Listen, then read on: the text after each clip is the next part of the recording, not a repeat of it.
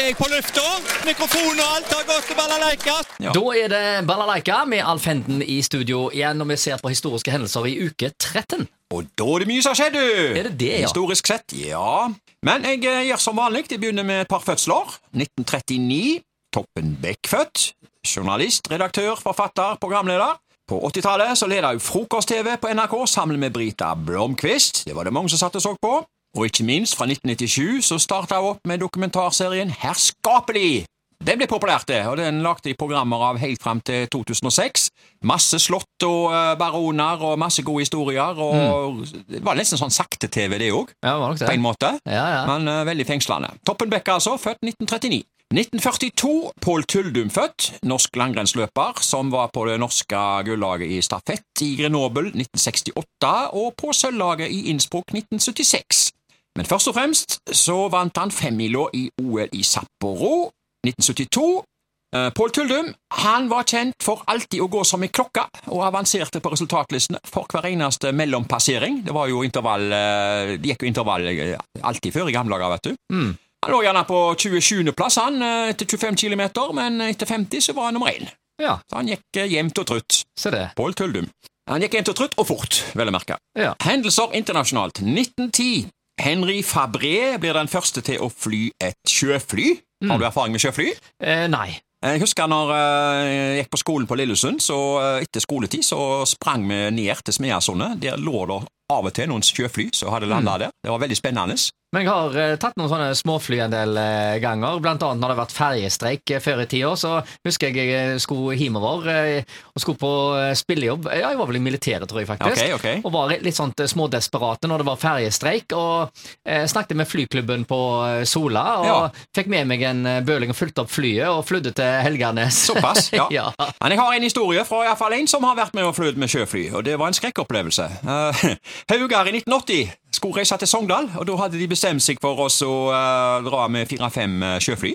Å, se det. Ja, eh, og jeg tror det var vel fire spillere i eh, hvert av de da. Var det noen som kasta på veien? Nei, det var mye verre enn som så. Altså, Altså, ja. altså Flyet var jo i fritt fall flere ganger. Oh, ja, det- Eh, ja, Men aller nifsest var det jo når døra føyk opp mens flyet var i lufta. Ja, Så så det var-? Det var der en spiller som het Olav Heimdal der, og han bare ropte til piloten. Han holdt seg fast i, i, i, eh, Holdt seg fast der, og så bare ropte han eh, til piloten. Hei, du.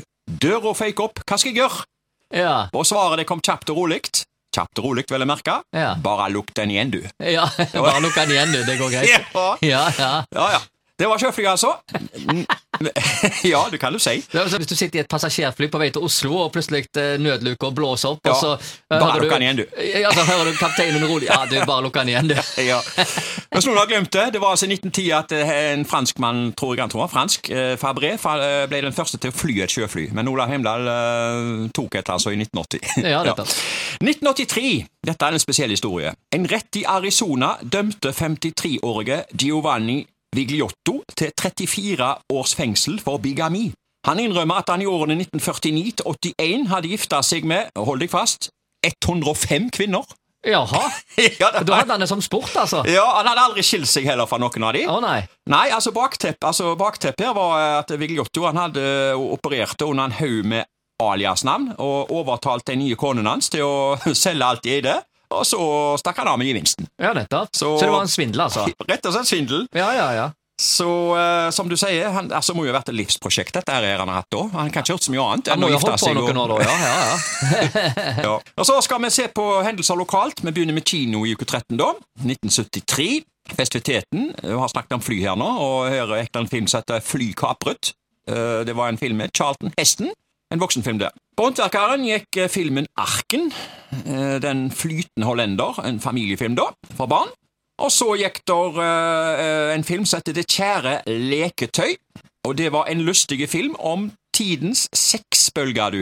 Gikk for 18-årsgrensa, den. ja. På kino, altså, i 1973. Så skal vi se på andre lokale ting. 1911. Politimester i Haugesund. Haugesund de skrev. Ja, nå, øh, Regjeringen har besluttet å opprette politimesterembetet for Haugesund med en årlig gasje på 3600 kroner. Dermed vil det bøtes på den nuværende uholdbare tilstand med byfogd, magistrat og politimester i én og samme person. Ja, Uh, tydeligvis hatt det travelt i gamle dager, da, så da skilte de dette her av, og så fikk vi en egen politimester, altså, i 1911, og han var de antageligvis bruk for. Ikke minst på Risøen, kanskje. Ja, der var det mye gøy som skjedde. på Risøen. Ja. Um, vi går til 1934. Viserguttenes streik. Haugesunds Dagblad hadde stort oppslag der. Viserguttene, som jeg da kan si var ærensgutter, da, eh, drev aksjonen vel hvitt onsdag. Politiet måtte flere ganger gripe inn. En plakatbærer ble arrestert. Det er kommunistene som har organisert denne streik, og de har ikke gjort det bra. Det vil i dag bli forhandlet direkte mellom en del kjøpmenn og representanter for Viserguttene. Kravene går ut på en minimumslønn av ni kroner per uke, åtte timers dag, 35 øre per time for overtid, én time middagspause, en halv time kaffepause og 14 dagers ferie. Det var ei smørbrødliste du av uh, krav. Mm. Uh, det var jo gutter, unge gutter, dette her, helt ned i 13-14 år, tror jeg.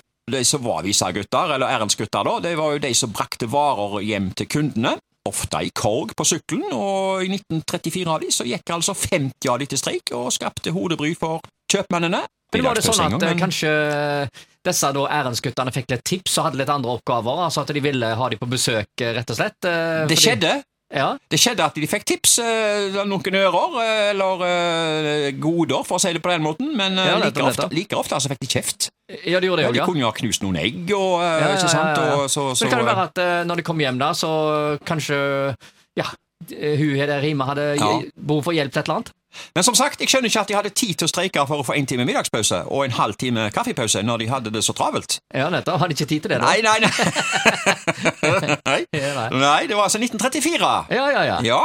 Det var ikke noe elsparkesykkel den gangen. Det var ikke elsparkesykler. Det er bare én ting å spørre om, og det er ja. ja. Ærensgutter på 30-tallet! Hot or not? Ja, det var hot. Det var hot. Ja.